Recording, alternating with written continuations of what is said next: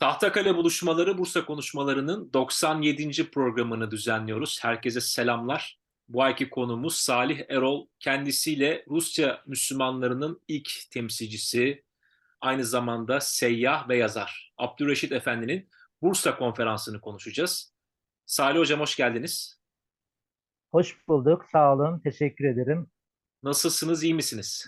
Ee, şükürler olsun Allah'a iyiyim. Ee, Bursa Yenişehir'den herkese selamlar, muhabbetle selamlar, saygılar.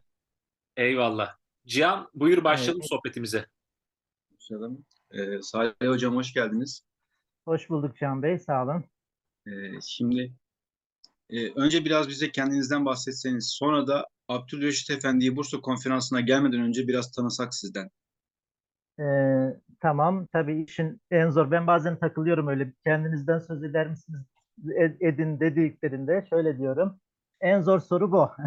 Evet, her şeyin en zor kısmı o. Evet, en zor kısmı o. Abdülreşit e, İbrahim'i tanıtmak kolay ama kendimi kısaca şöyle söyleyeyim. E, Salih Erol, e, tarihçiyim, öğretmenim, eğitimciyim. Tarih üzerine doktora yaptım. E, bir biyografi çalıştım, bir son dönem Osmanlı Paşası üzerine doktora olarak. E, 20 yılı aşkın bir süredir Bursa ve çevresinde dolanıyorum. İlk görev yerim Bursa, Yenişehir, İnegöl, Bursa Merkez, öyle e, bir mesleki hayatım oldu. Tabii Bursa'yı bir de tarihçi olarak ve gerçekten ben gezmeyi ve yaşamayı seven biri olarak tabii Bursa bir de manevi yönü olan bir yer olarak tam herhalde istediğim gibi ki Allah nasip etti. 98 yılının son günlerinden bu yana böyle Bursa'da eğitimci ve daha sonra da tarihçi akademik kimliğimizde devam ediyoruz. Yayımlanmış dört tane kitabım ve işte makalelerim var. Siz de zaten Bursa günlüğünde keşfetmişsiniz. Oradaki o Abdülreşit İbrahim yazısında. Öyle hem Bursa ile ilgili yerel hem yakın dönem Osmanlı Türk tarihi e, üzerine e, çalışmalar yapıyorum. Evet, toparladım değil mi? Kendimi birazcık az buçuk tanıttım. Gayet güzel anlattınız Evet. hocam. Sağ olun, çok teşekkür ederim. Şimdi Abdülreşit Efendi'ye gelsek. Kimdir, Evet. nedir? Abdülreşit İbrahim Efendi, e, Abdülreşit İbrahim 1857 yılında Sibirya'da doğmuş bir Sibirya Türk'ü. Yani gerçekten çok e, sıra dışı bir yaşam. 88 yıllık bir hayat. 1857-1944 arası. En son 1944'te Japonya'da vefat etmiş. Zaten Japonya'nın onun hayatının son safhasında çok özel bir yeri olan bir şey. Abdülreşit İbrahim e, dediğim gibi Sibiryalı bir Türk, babası Özbek, asıllı annesi Başkurt Türklerinden. Bunu özellikle belirtiyorum. Gezmeyi çok seven bir insan ve e, medrese kökenli, medresede okumuş memleketinde, Sibirya'da. E, daha sonra medrese eğitimini yarıda bırakarak bir seyahat ya Resulullah demiş herhalde. 1880'lerde kendisini İstanbul'da buluyor. E, 23 yaşlarındayken falan.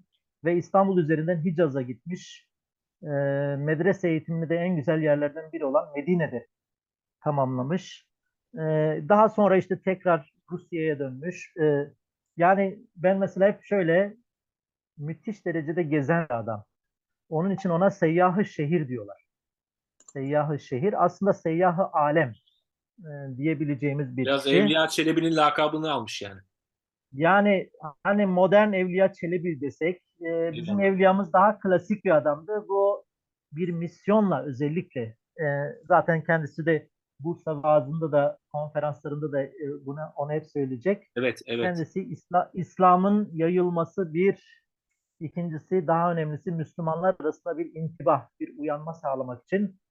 Onun için Uzak Doğu'dan tutun Orta Doğu'ya, Kuzey Afrika'dan tutun Avrupa'ya kadar e, ve e, İstanbul'a işte 1910 yılının ilkbaharında da nasip oluyor. Bursa'ya geliyor. Ondan da ayrıca bilahare bahsedeceğiz. Böyle 88 yıllık hayatında e, son derece önemli işler yapmış. E, kendisi en sonunda da mesela vefat ettiği zaman e, Japonya'da ulusal yas gibi bir şey ilan edilmiş. Devlet Radyosu 1944 yılının Ağustos'unda vefat ettiğinde yayınını keserek Japonlar 2. Dünya Savaşı'nda olduğu halde e, savaş haberleri çok daha önemli olduğu halde bütün yayınını kesip Abdülreşit İbrahim e, Efendimiz'in vefatını e, duyurmuş. Hocam ilgili dört gün meselesi doğru mu tevatür mü? Cenazesinin bekletilmesi. Yani Ja- e, Japonya'da böyle bir onun için ulusal yas ilan edilmiş. En sonunda da Tokyo mezarlığına ama dört gün boyunca bekletilmiş mi onu tam şey olarak bilmiyorum. Hı hı. Fakat şöyle bir şey söyleyeyim. Kendi otobiyografisini de yani kendi tercüme halini de yazmış. E, fakat bunu tamamlayamamış. Hayatının ilk 30 yılını yazmış. E, tercüme halim yahut başıma gelenler. E, bu kitap da şu an elimizde var. Böyle bir e, özellikle İslam'ın durumu üzerine e, mesela Alemi İslam ve Japonya'da İntişarı İslamiyet diye Japonya'da İslam'ın yayılması şeklinde kitabı var. Çok üretken birisi, gazeteci yönü var, mecmuacı yönü var. Dediğim gibi bir müderris e, ama müthiş bir e, şeyi var. Yani böyle bir ya adam 70 yaşında 1923 yılında Sevil Reşat'taki şeyine rastladım. Diyor ki son 9 ayda 11 bin kilometre kat etmişim. yani 1922 ile 23 arasındaki e, şeyde 9 ayda e, bir de öyle şey var. Mesela bunu diğer kitaplarında da söylüyor. Bursa'da da söylüyor. Diyor ki ey Müslümanlar ben şu ana dek diyor 70 bin kilometre yol kat ettim diyor yani. 70 bin kilometre yani e, dünyanın gerçekten ve o zaman söylerken 1910. 1922'de de son 9 ayda diyor 11 bin kilometre. Ee, o dönemin imkanlarıyla gerçekten müthiş. Yani dediğim gibi Çin'den Mançurya'ya, Japonya'ya, e, işte zaten Orta Asya'ya, kendisi Rusya Müslümanı, Türk'ü. Böyle bir e, 88 yıl boyunca e, gezmiş bir kişi. Allah rahmet eylesin. Hal ve harekatıyla tam Akif'in seveceği adamlardan biri. Evet, e, Seyyah-ı Şehir, Şairi İslam. Mehmet Akif'in de biliyorsunuz e, özellikle 1908'den sonra giderek onun üzerine cuk oturan bir şeyi var. Diyor ki Şairi İslam. E, ikisi tabii buluşuyorlar. Ya Sevil Reşat, e, Sırat-ı Müstakim, e, Mehmet Akif'in çıkar baş yazarı olduğu dergi. O e, özellikle Rusya Müslümanları arasında çok etkili bir ve onlar da e, e, Abdülreşit İbrahim gerçekten Mehmet Akif ve arkadaşları için çok özel biri. Zaten İslam dünyasında da çok önemli biri. Evet Abdülreşit İbrahim yani kısa e, 88 yıllık uzun hayatını çok kısa bir e, tercüme hali böyle. Osmanlı ve Bursa'ya teması nasıl hocam peki? E, Konferans nereden çıkıyor? Yolun nasıl düşüyor Bursa'ya? Şimdi e, Abdülreşit İbrahim 1880'den beri İstanbul'u biliyor. Yani ara ara İstanbul'a geliyor. E, hatta zaman zaman işte 1880, 85 e, Sultan Abdülhamit döneminde Bursa'ya şey İstanbul'a gelmişliği var ama Anadolu'ya e, geçmişliği benim takip edebildiğim kadarıyla yok. Ancak ikinci meşrutiyet döneminde e, bu arada tabii Sultan II. Abdülhamit Han dönemi e, biraz çok rahat olmadığı bir dönem. Yani Sultan II. Abdülhamit pek öyle insanların dışarıdan Müslüman dahi olsa geldiğinde dolaştığında hemen acaba ne için dolaşıyor? Ee, acaba bir şey mi yapacak? O yüzden de o dönemde çok aktif değil. Evet Hicaz'a gidiyor. Arabistan'da daha rahat hareket ediyor ama e, 1908'den sonra e, işte o 1910 yılında Bursa'ya gelişi var. 1910'dan hemen sonra da e, Osmanlı Devleti ona bir büyük bir jest yapıyor. Onu Osmanlı tabiyetine alıyor. Ben mesela Osmanlı arşivinde de izini sürdüm. Böyle sadece Sebil-i Reşat Sırat-ı Müstakim'de değil veya onun kendi yazdığı eserlerin hepsi bende var.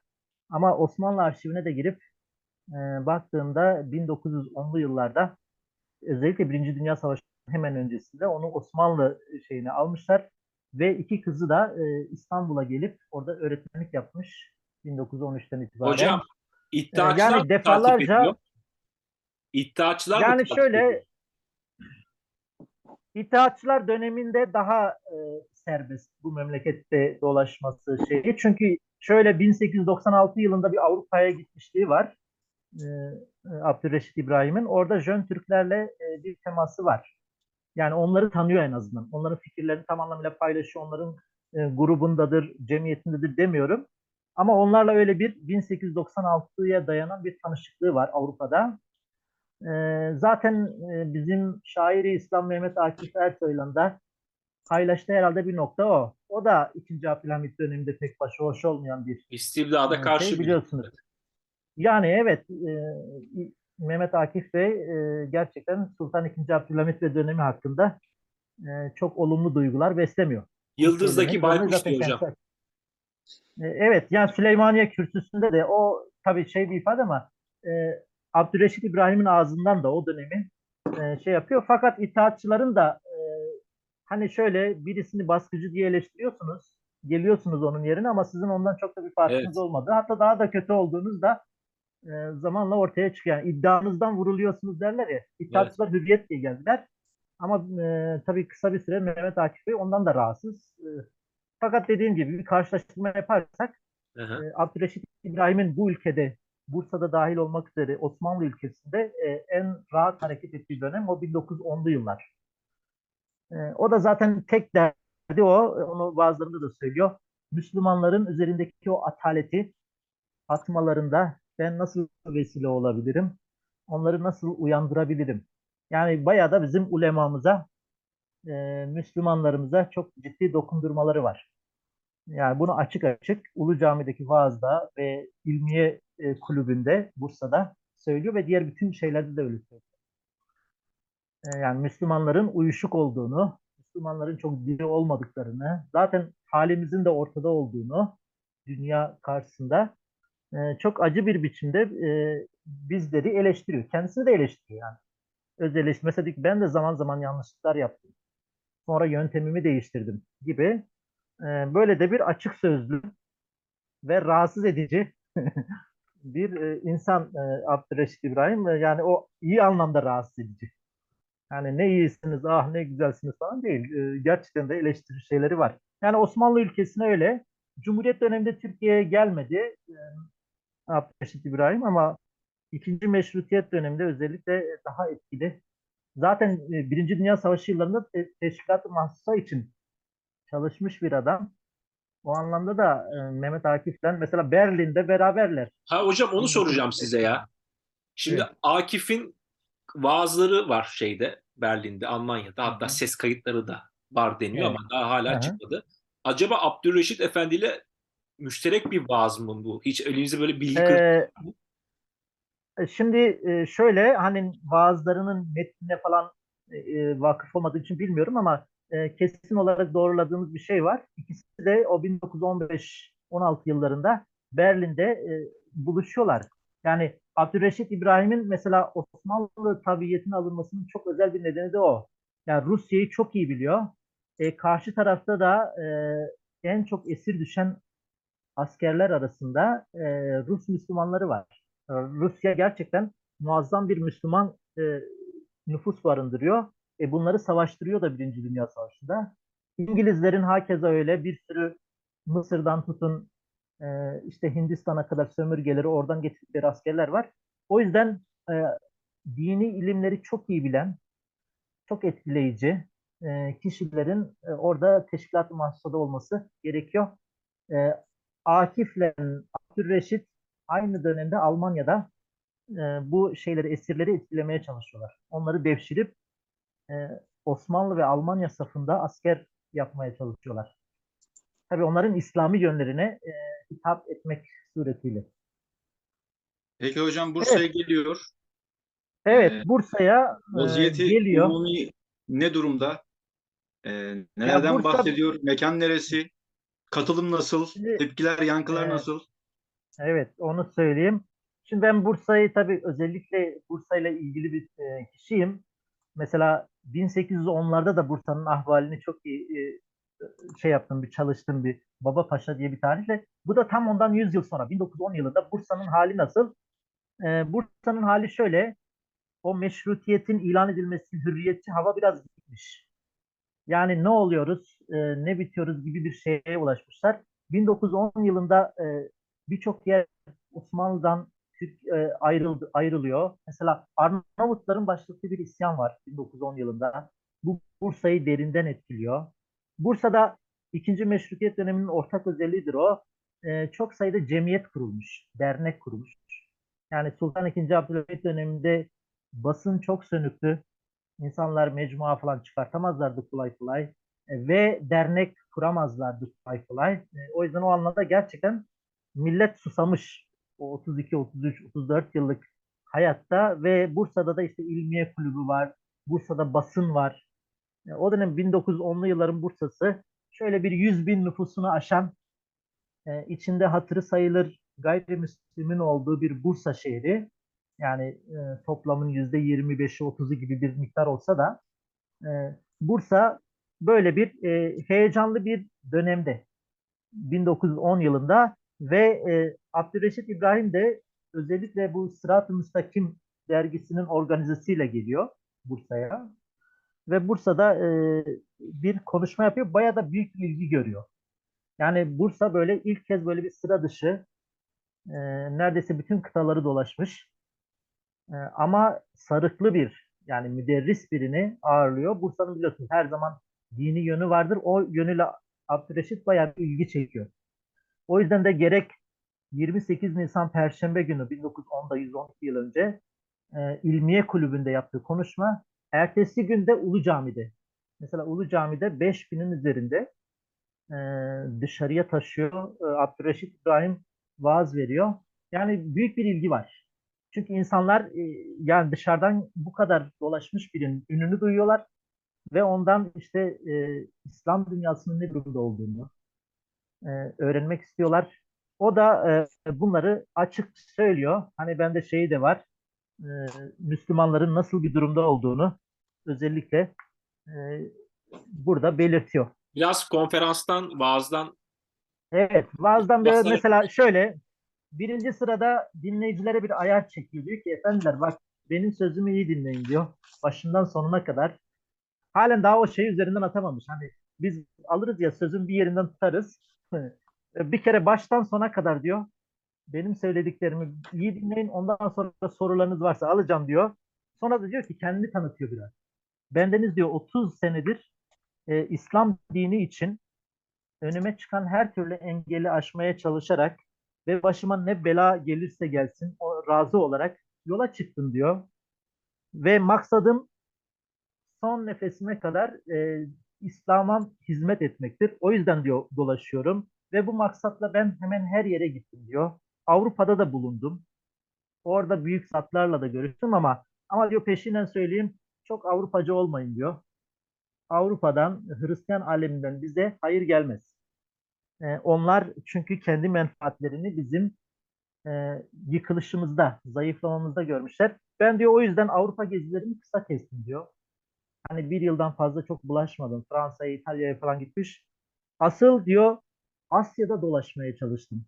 Yani Asya'da Müslümanların kendi aralarında ve amacım Müslümanların kendi aralarında bir birlik sağlaması. Yani aslında bir pan İslamcı Müslümanların şimdi e, Diyanet e, Ansiklopedisinde Abdülreşit İbrahim maddesini yazan arkadaş diyor ki enteresan bir şeydir diyor.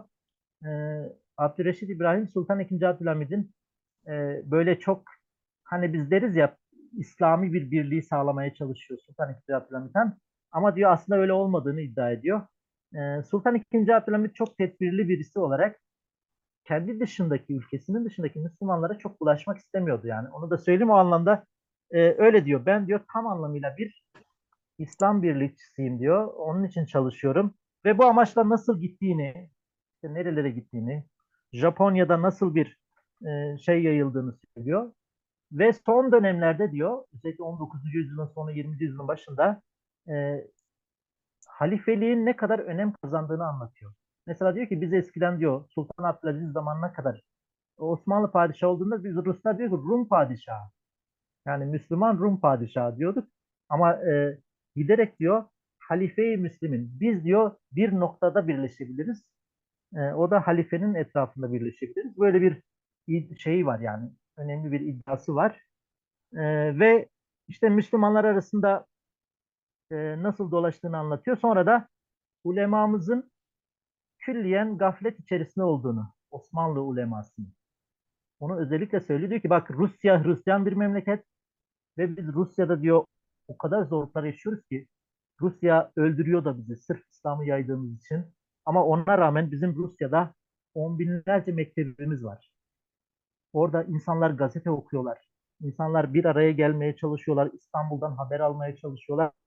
Ama diyor gel, gelip görüyorum ki İstanbul ve işte Osmanlı Anadolu'da e, görüyorum ki diyor ulemamız gerçekten son derece büyük bir gaflet içerisindedir. Osmanlı uleması. Ve her insanların gözünde de ulemanın çok önemli olduğunu, yani medreselilerin, din adamlarının, hocaların. O yüzden hocalara bir ayar veriyor, e, vermeye çalışıyor. E, ve böyle e, devam ediyor. Millete rehber olmak vazifesini ulema iltizam etmeli diyor. Ulemaya düşen bir şey. En büyük belamız da diyor şu aramıza düşen iftirak, ayrılık. İşte orada özellikle olayı en son yaşanan Arnavutluk olayına getiriyor. Arnavutlar 1910 yılında e, itaatçıların biraz da tedbirsiz şeyleri sonucunda gerçekten isyan ettiler. Mesela Sultan II. Abdülhamit Han e, Arnavutluğu çok iyi idare ediyordu. Ama itaatçılar öyle yapmadılar. Üsküp'e bir vali atıyorlar. Vali önüne gelen istediği vergiyi koyuyor. Arnavutlar da zaten öyle kolay kolay vergiye gelen bir millet değil. Balkanların en dağlık kesiminde yaşıyor. E, böyle vergiler de çok ağır olunca isyan ediyorlar. E, ve o da o bölümü bahsediyor. Bizim Bursa halkı da bayağı bir e, bu olay karşısında duygulanıyor. Dediğim gibi yani halifeyi işin merkezine koyuyor. Halifenin etrafında toplanabiliriz diyor. E, ve e, böyle bir şey yapıyor. Sonra da işte dediğim gibi bizim ulemamızın halini mesela diyor ki siz en yakındaki köylere gitmeye çekiniyor, şey yapıyorsunuz diyor. 8 ay medresede yatıyorsun. Bu arada medreseleri çok acayip dokunduruyor. Medreseler diyor talebelik sırf askerden kurtulmak için bir vasıtadan başka bir şey ol, e, gibi değil yani diyor gördüğüm kadarıyla. Tembellikten başka bir netice vermiyor bu diyor. Diğer milletlerin nasıl çalıştıklarını bir görseniz, diğer milletlerin ne kadar çalıştıklarını bir görseniz diyor. Oysa diyor siz 8 ay medresede yatarsınız. 3 ay çıkarsınız diyor işte cer diye bir şey var ya böyle çıkıyorlar e, talebeler bir şey almaya. E, ve diyor bir nevi dilencilik gibi bir şey yapıyorsunuz. E, o da diyor aslında halkı aydınlatmıyorsunuz. Siz sadece halktan Allah rızası için sadaka toplamaya çalışıyorsunuz. Yani o 110 yıl önceki ulemanın hali e, günümüzden bir mukayese yaparsak bilmiyorum nerelere varırız. Ben o günümüzü söylemeyeyim. Ama sadece diyor işte yatıyorsunuz medresede ay yıllarca. E, med- talebe de askere gitmiyor medreseliler. Onu da biraz diyor o sığınak yapmışsınız. En yakındaki köye bile gitmeye şey yapıyorsunuz. İnsanı tanımıyorsunuz diyor. E, ve misyonerlere sözü getiriyor. Yani aşk olsun heriflere diyor. Vallahi adamlar diyor öyle bir çalışıyorlar ki öyle gittikleri yere bana bir ekmek ver diye gitmiyorlar. Hatta tam tersine onlara bırakın ekmeği diyor. Hastane açıyorlar, şu açıyorlar, bu açıyorlar. Başından geçen örnekleri bahsediyor. Ve Müslümanların halinin çok kötü olduğunu. Mesela diyor ki Beyrut'ta bir gazete, bir Hristiyan gazetesi diyor. İstatistik yapmış çok bilimsel görünümlü. Müslümanlığın 90 yıl ömrü kalmış. Yani Müslümanlık 90 yıl içerisinde bu gidişle biter. 20. yüzyılın başı gerçekten kötü durumdayız. Yani aslında Abdülreşit'e hak vermemek ve diyor ki onlar kendilerince diyor bütün mantıklı gerekçelerle sıralıyorlar diyor. İstatistik yapıyorlar. Bu gidişle Müslümanlık yok oluyor yani. Ama e, bir yandan da bizim inancımızı hatırlatıyor. Peygamber Efendimizin hadis-i şerifine vurgu yapıyor. E, İslam ila nihaye yaşayacak. Her ev İslam'la müşerref olacak. Ve o umutsuzluğun içerisinde bir umut çıkartıyor. Konuşmasının en sonuna öyle bağlıyor. Gerçekten de diyor, bak diyor Japonya'da mesela şu an diyor e, binin üzerinde Müslüman var. Belki ben sebep oldum gibi ama diyor bu Allah'ın lütfuyla oldu. Ben diyor oraya gittiğimde hatta cebindeki para miktarını bile söyledi. Cebimde şu kadar kuruş para vardı sadece. E, böyle bir e, işte günümüzde diyor Londra'da bile Müslüman var artık.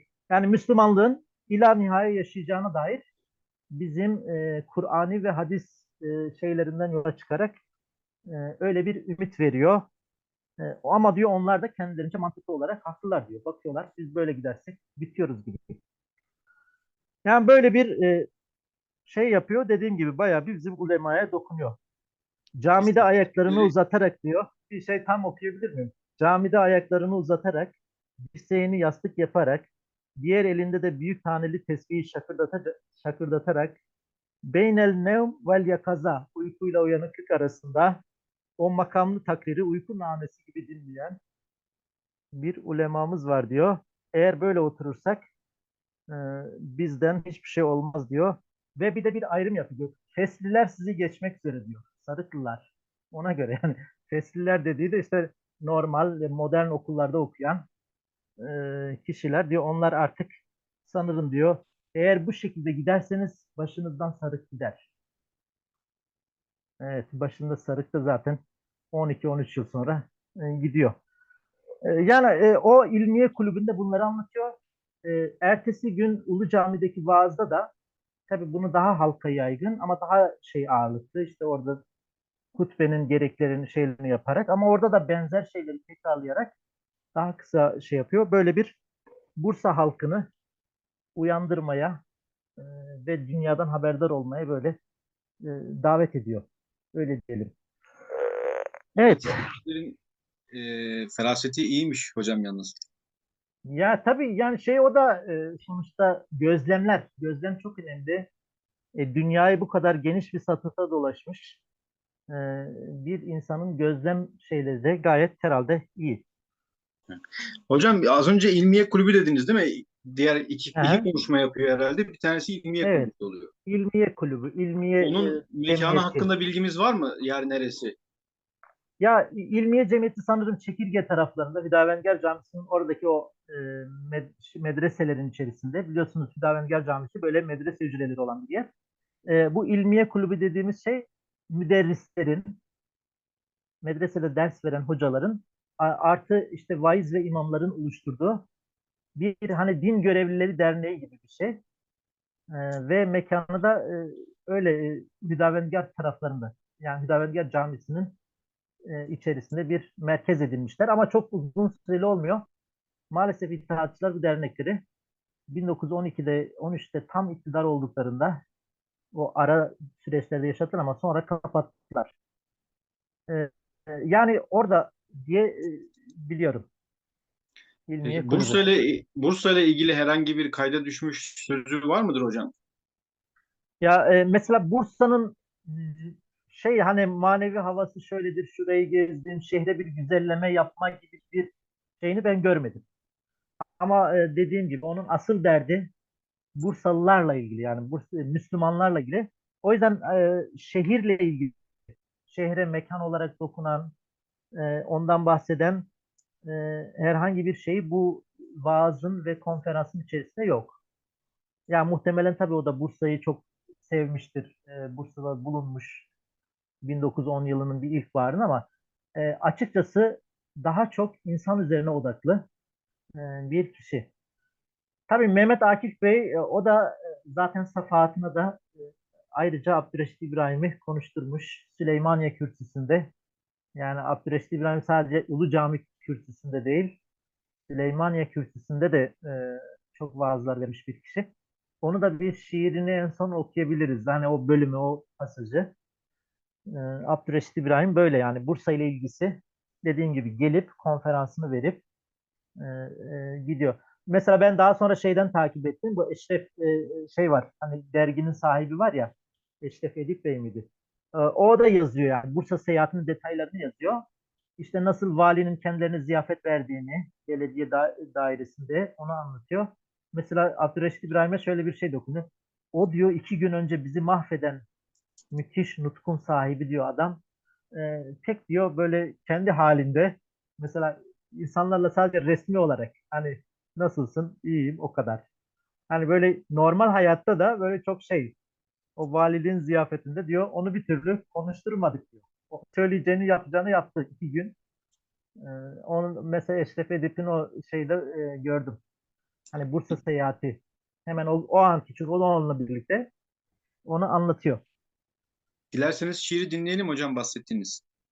Evet, tabii Safahat'ta Mehmet Akif Bey Süleymaniye Kürsüsü'nde bir bölümde Süleymaniye Kürsüsü biliyorsunuz Safahat'ın ikinci kitabının olduğu gibi tamamı.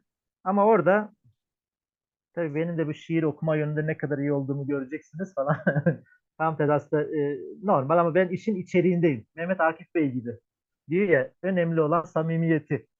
Tabii. Samimiyetinize sığınarak onu söyleyeyim. Kimdi kürsüdeki bir bilmediğim pir ama hiç de bigane değil kalbe o cazip sima. Bembeyaz lihiye-i pakiyle beyaz destarı, o mehip alnı, o pek munis olan didarı. her taraftan kuşatıp bedri saran hale gibi ne şehamet ne melahat veriyor ya Rabbi. Hele gözler iki mihrak-ı semavidir ki bir şuayla alevlendiriyor idrakı. Ah o gözlerden inen hüzme-i nura nurun bağlı her tarif hüsnkarına bin ruhi zebun. Beni kürsüde görüp vaaz edecek sanmayınız. Ulemadan değilim, şeklime aldanmayınız. Dinin ahkamını zaten fukahanız söyler. Anlatırlar size bir müşkiliniz varsa eğer. Bana siz alemi İslam'ı sorun, söyleyeyim. Çünkü hiçbir yeri yok gezmediğim, görmediğim. Şarkı aksadan alın, mağribi aksaya kadar. Müslüman yurdunu baştan başa kaç devrim var. Beni yormuştu bu yıllarca süren yolculuğum. Daha başlangıcı, lakin gebereydim yorgun. O zaman belki devam eyleyemezdim yoluma. Yoksa aram edemezdim. Bana zira durma, yürü, azminde devam et diye vermezdi aman. Bir sada benliğimin fışkırıp amakından, o sada işte benim gayreti diniyemdir. Coşu vermez mi içim sanki yanardağ kesilir? Yeniden davranırım, eğlenemem bir yerde. Ne cihan kaygısı, derman bu devasız derde, ne de can. Sonra filan duygusu engel, heyhat. Can, cihan hepsi de boş. Gayededir varsa hayat. Evet, can, cihan hepsi boş. Gayededir varsa hayat. Tabii insanı yaşatan şey işte o gaye. Ee, o da Abdülreşit İbrahim'in gayesi e, bu. Yüce İslam'ın gerçek anlamıyla yaşanması, Müslümanların bunu e, iyice kavraması ve dünya karşısında böyle güç olması. O yüzden bu gaye onu yaşatmış. Salih Hocam teşekkür ederiz geldiğiniz için. Ee, eklemek istediğiniz herhangi bir şey kaldı mı? Var mı? Ee, ben teşekkür ederim size. Hakikaten zaman böyle geçiyor. Tabii biz de böyle başta şey başlıyoruz ama sonradan bir bakıyoruz 40 dakika bitmiş. Ee, eklemek istediğim hani birkaç şey daha var. Onları da bir, birkaç dakikada sabrınıza sığınarak. Mesela e, hani Bursa ile ilgili bir şey e, söylüyor mu dedi. Mesela özellikle bizim ulemamıza dönüp o ilmiye kulübündeki yöneticilere ya diyor ki ben şu ana dek baktım siz diyor e, hani bir tane mecmuanız bile yok ya Bursa'da diyor. Yani e, oysa ki aranızda dolaştıracağınız şöyle bir mecmua olması lazım ve bunu insanlara dağıtmanız lazımdı. Orada fikir yazıları olması gerekiyordu. Hakikaten de 1910 yılında baktığımızda hani ulema dediğimiz e, müderrislerin falan e, Bursa'da herhangi bir mecmuası dahi yok. Çünkü e, Abdülreşit İbrahim en zor zamanda 1900'lerin başlarında Petersburg'da yani Rusya'nın kalbinde o Çarlık döneminin orada e, çok sayıda dergi çıkartmıştı. Dolayısıyla bu çok e, tuhafına gidiyor. Yani ne kadar rahatsınız. Hani fikirlerinizi yayan bir derginiz bile yok. E, o konuda onlara bir tavsiyede bulunuyor. Bir an önce diyor eğer beni dinlerseniz e, bir mecmua çıkartın, insanlara ulaştırın e, ve insanları aydınlatın diyor. Eminim bunu yaparsanız gidip de talebelerin o e, şeylerin insanlardan ekmek dilenmesine, cer yapmasına gerek kalmayacak diyor. E, böyle bir faydalı olun diyor. Sonra rahmetli Mehmet Akif'le arasındaki bir şeyi söylüyor. Mesela Mehmet Akif'e diyor ki ah diyor Akif sen kalpleri tutuşturan adamsın diyor. Bende o yetenek yok diyor.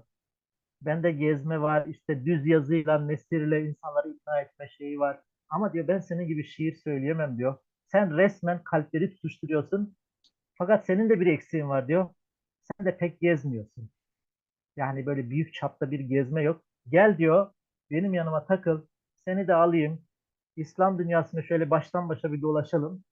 Tabii Mehmet Akif de çok aralarında hoş sohbetler var. Ya diyor beni de kendin gibi serseri mi yapacaksın diyor. Hani bir serseri günümüzde kötü anlamda ama aslında başını alıp giden anlamda geliyor. Yani ben diyor ama rahmetli Akif'in de tabii hayatta o e, çok fazla gezmedi. Bir işte Cumhuriyet döneminde Mısır e, şeyi dışında memleketin içerisinde e, şeyleri var. Hani Anadolu'da, Ankara'da işte An- Anadolu'nun değişik yerlerinde ama Rumeli'de, Edirne'de. E, ama böyle kıtalar arası, ülkeler arası bir gezmesi yok. E, rahmetli Akif'in hayatında en çok gezmek istediği iki yer varmış. O da e, biri İspanya, Endülüs, diğeri de Hindistan. Tabii o nasip e, Abdülreşit İbrahim'e oldu ve Abdülreşit İbrahim 1930 yılın başlarında Mısır'da arkadaşını yeniden buluyor. bir, bir, bir buçuk yıl kadar Mısır'da 1930-31 arası e, Mısır'la birlikte vakit geçiriyorlar. Hani o da Mısır'da. E, en son olarak hani bu iki büyük insanı Mehmet Akif rahmetli de hakikaten ilk başta böyle hep şeymiş, tutukmuş yani böyle çok ben ilk başta böyle araştırırken Akif'i zannederdim ki hemen böyle ortama giriyor, insanları coşturuyor, şu bu ama Akif şiirleriyle coşturuyor. E, fakat bir o kadar da sıkılgan yani hemen kendini açmıyor. E, ve öyle bir aralarında biri seyyahı şehir, diğeri şairi İslam e, ve e, kutsal belde bizim için çok önemli manevi şey olan Bursa. E, böyle bir minvalde bitirmek istiyorum. Çok teşekkür ederim. Biz teşekkür ederiz hocam ama e, bir, bir so- son soru daha soracağım. Tabii buyurun lütfen. E, Akif'in ve Sebil Reşat ekibinin bu organizasyon için Bursa'yı tercih etmesinde ya da Bursa'da böyle bir organizasyon yapmasında na bir anlam yükleyebilir miyiz? Hani eski payitaht ya da orada bir hareket vardır onu canlandırabiliriz gibi bir düşünce var mıydı? Tabii ki yani Bursa mesela e, zaten İstanbul'a en yakın e, ve e, İstanbul ne kadar önemliyse aşağı yukarı Bursa'da o kadar önem atfediliyor. O yüzden e, Sebil Reşat'ı Sırat-ı Müstakim'i sararsanız zaten onlar sürekli e, Bursa'ya defaatle gidip geliyorlar. E, ve o yüzden hani Bursa'ya verdikleri özel önem o. Çünkü Bursa'nın psikolojik yani manevi e, değeri var. Bursa'da bir kamuoyu var. O son derece önemli. E, dünyada değişik e, İslam dünyasından insanlar Bursa'ya gelirler.